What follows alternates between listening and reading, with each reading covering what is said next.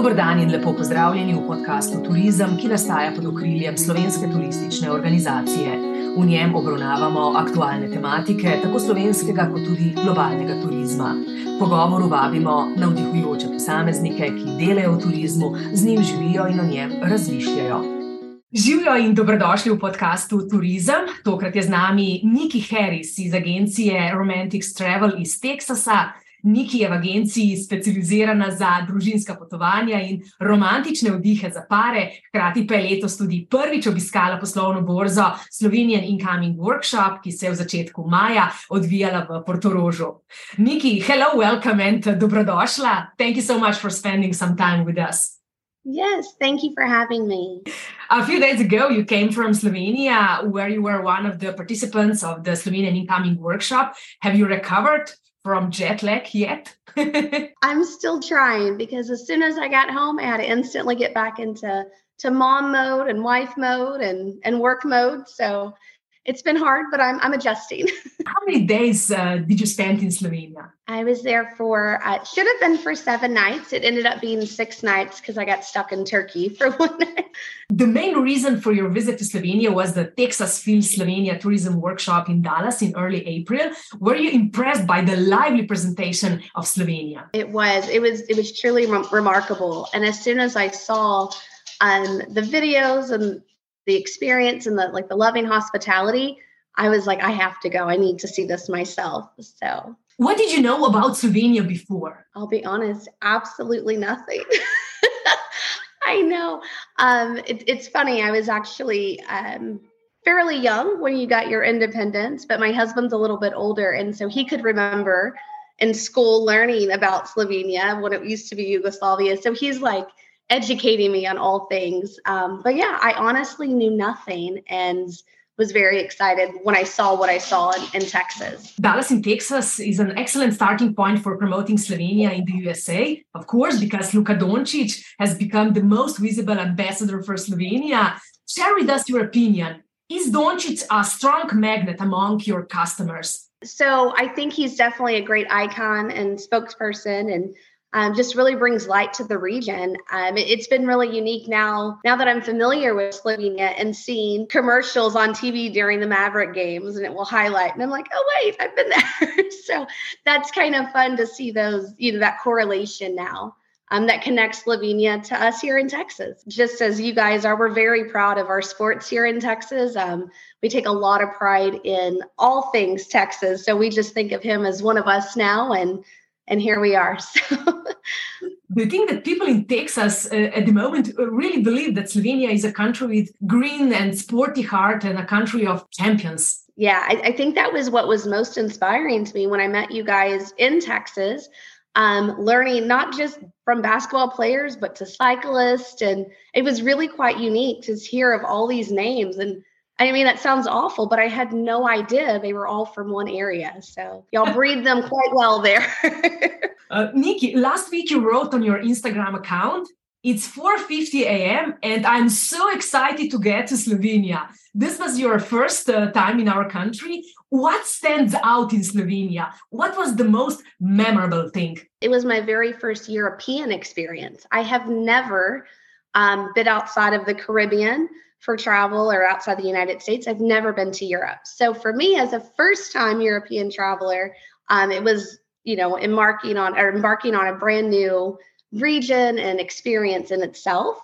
Um, but once I was there, I think what held most to me is just the people, the hospitality. Most of you guys are seeing this have probably never been to Texas, but hospitality is what we're known for and our love for people and visitors and it was just like it being at home almost, you know, just with a little bit of a language barrier, but it was like at home. so I loved that.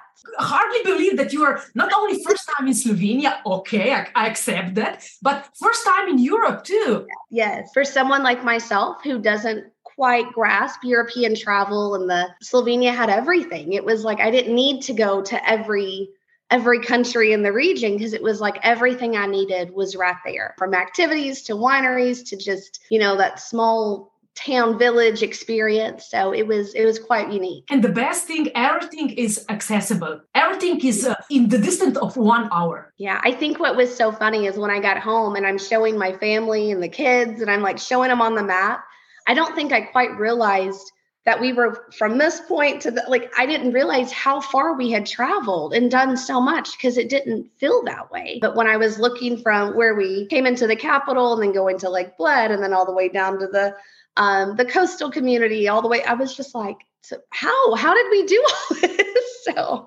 but it was good how efficient was your visit to Slovenia incoming workshop? Did you get any useful connections? Uh, have you done some good business?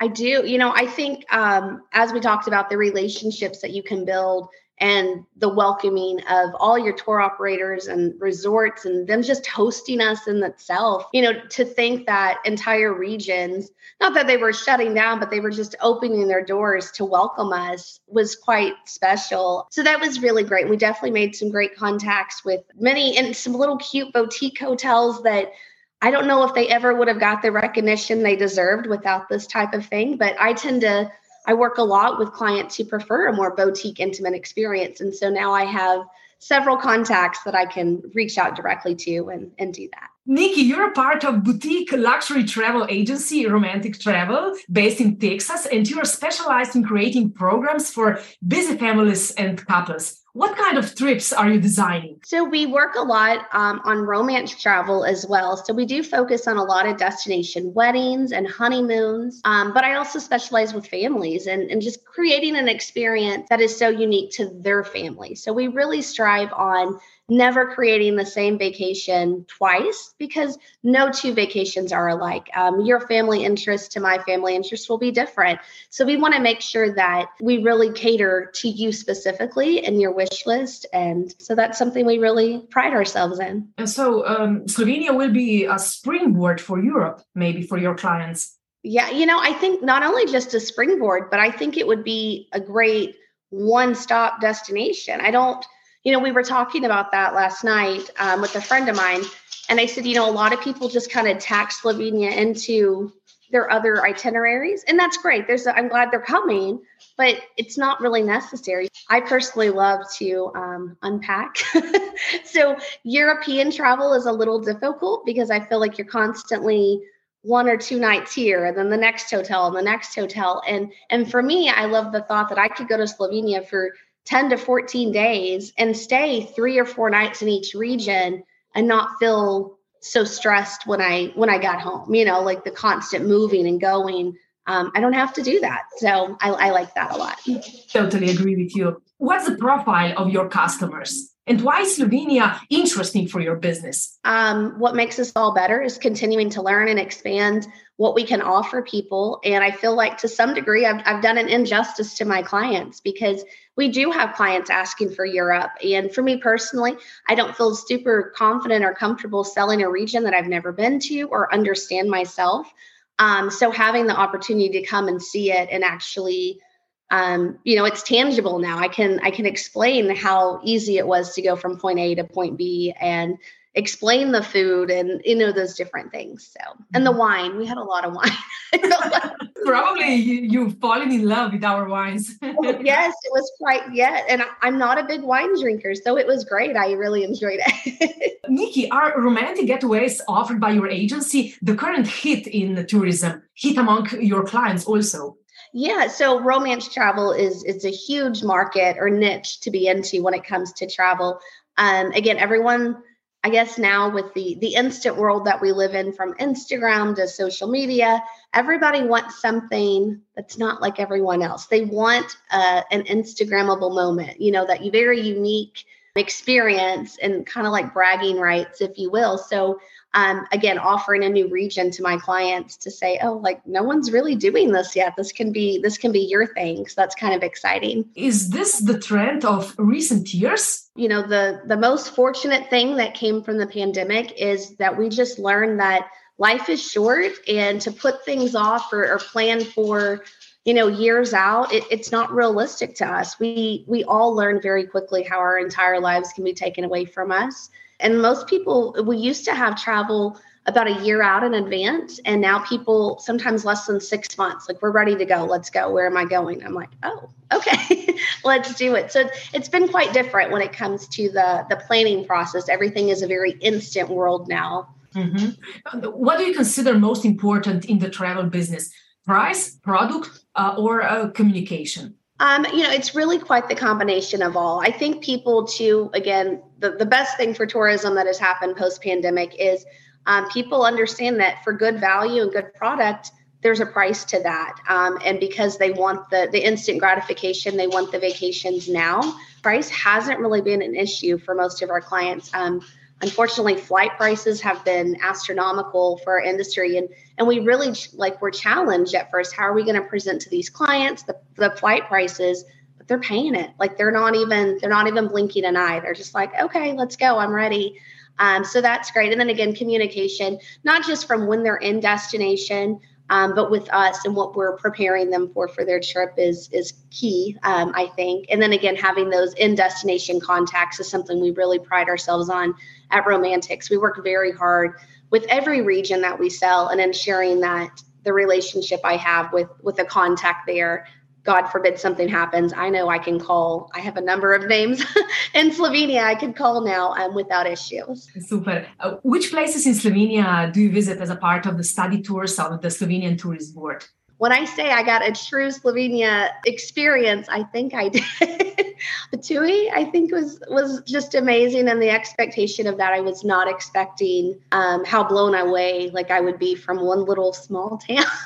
and I, I'll be honest, I'm a beach girl. Like I love the beach, but just going there, I just instantly like I could just breathe. Like I just felt so so free from everything. So one of the evenings afterwards, several of us went out and again, I, am not a big drinker, but I had several glasses of wine. But you know what was so funny is the next day I felt I felt fine. It just that clean, fresh wine, and it was just it, it was really unique to be able to get up the next day and be like, all right, let's do this. I'm good to go. okay. Besides Slovenian wines, your favorite experience in Slovenia that you will share with your clients? We got to have dinner down in the coal mine. Like who would in a million years I would have never said I'm going to have dinner in a coal mine or I want to have dinner in a coal mine. It sounds weird, but the walls that, you know, people for hundreds of years have worked to provide. I mean, it's a very humbling experience. And then we got pampered with food. So it was great. I don't, I think that one was the most memorable just because it was such a special um, experience. But again, every little town we went to, there was just something that I took away from it. Um, according to the profile of your clients, which destination and tourism products in Slovenia would you offer to them? What could be the hottest destinations in Slovenia for your guests? I think like Bled is just it, it's amazing because it's that iconic. If you Google Slovenia, the first thing they're going to see is the castle in the middle of the lake. A society, like I said, who likes tangible and they're they're instantly seeing things. I think many of them will want to to visit, um, and I loved it. But I don't know if that was the only you know the, the only highlight. Again i think just being able to visit so many areas in such a short amount of time um, i think that's what makes the destination the most appealing to me and to present to my clients that they are able to to start and you say like like Bled and then go to Ptuj and Maribor. i mean it's just it, it's really unique. Um, i wonder is it difficult to sell such a small country as slovenia? It's challenging to sell programs in slovenia unfortunately for for many of us in the US and especially where you reside in the US it is a little bit more difficult for us to get to the region not just you know Slovenia but Europe as a whole.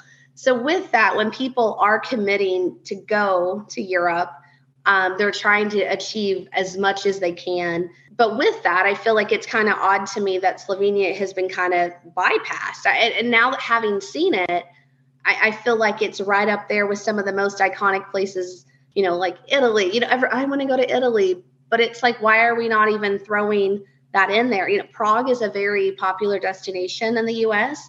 But again, the, it's so tangible to just go right down to Slovenia and experience that. So I think for us here in the US, especially as travel advisors, we really have our jobs cut out in educating people um, as to what's available and why we should not be putting this destination off um, and visiting Slovenia. Uh, what are stereotypes about Slovenia through American eyes? people, I'll say it and they're like, where is that? And I'm like, do you know where Croatia is? And they're like, yes. And I'm like, okay, well, it's by, you know, because I don't want to, it's not a country that just rolls off our tongues in conversation often. Um, and again, it's been a real injustice because we've definitely we've dropped the ball and not not sharing or knowing more about the area. What has changed after the corona in terms of travel habits of Americans? I think that for sure is everyone is ready to go now. There's no more planning. It's let's go, let's go. Um, every state had its own experience with that. Um, Texas, we were very blessed because we had some great destinations we could get to within our own state um, without so many restrictions and stuff. But they do want safe, comfortable travel. Um, and again, I think Slovenia offered that as well. Slovenia is perfect for travelers who love food, wine, nature, and outdoor activities. So I think it's the perfect place for your next vacation given that you're constantly looking uh, for new and undiscovered places. Nickie, thank you so much for your time. It was a pleasure. Of course, I hope to see you soon again in Slovenia. I am. I'm already like looking at dates with my family to take the kids back. So definitely on our. I know my son just. I have to renew his passport, so he keeps asking, "When can I go? When can I go?" So he wants. To, he keeps wanting to see the dragons. He thinks there's real dragons because, you know, all the the promotion with the dragon, and I'm like, we'll just have to go see the dragons in the caves. So. Nikki, yeah, you are more than welcome. Yes, come see us in Texas. We'll see you guys too. Z nami je bila Nikki Harris iz agencije Romantic Travel iz Teksasa in to je bil podcast Turizem, ki je namenjen vsem, ki turizem delate, živite in ustvarjate. Vabimo vas k deljenju epizode in tudi k poslušanju prihodnjega podcasta. Srečno!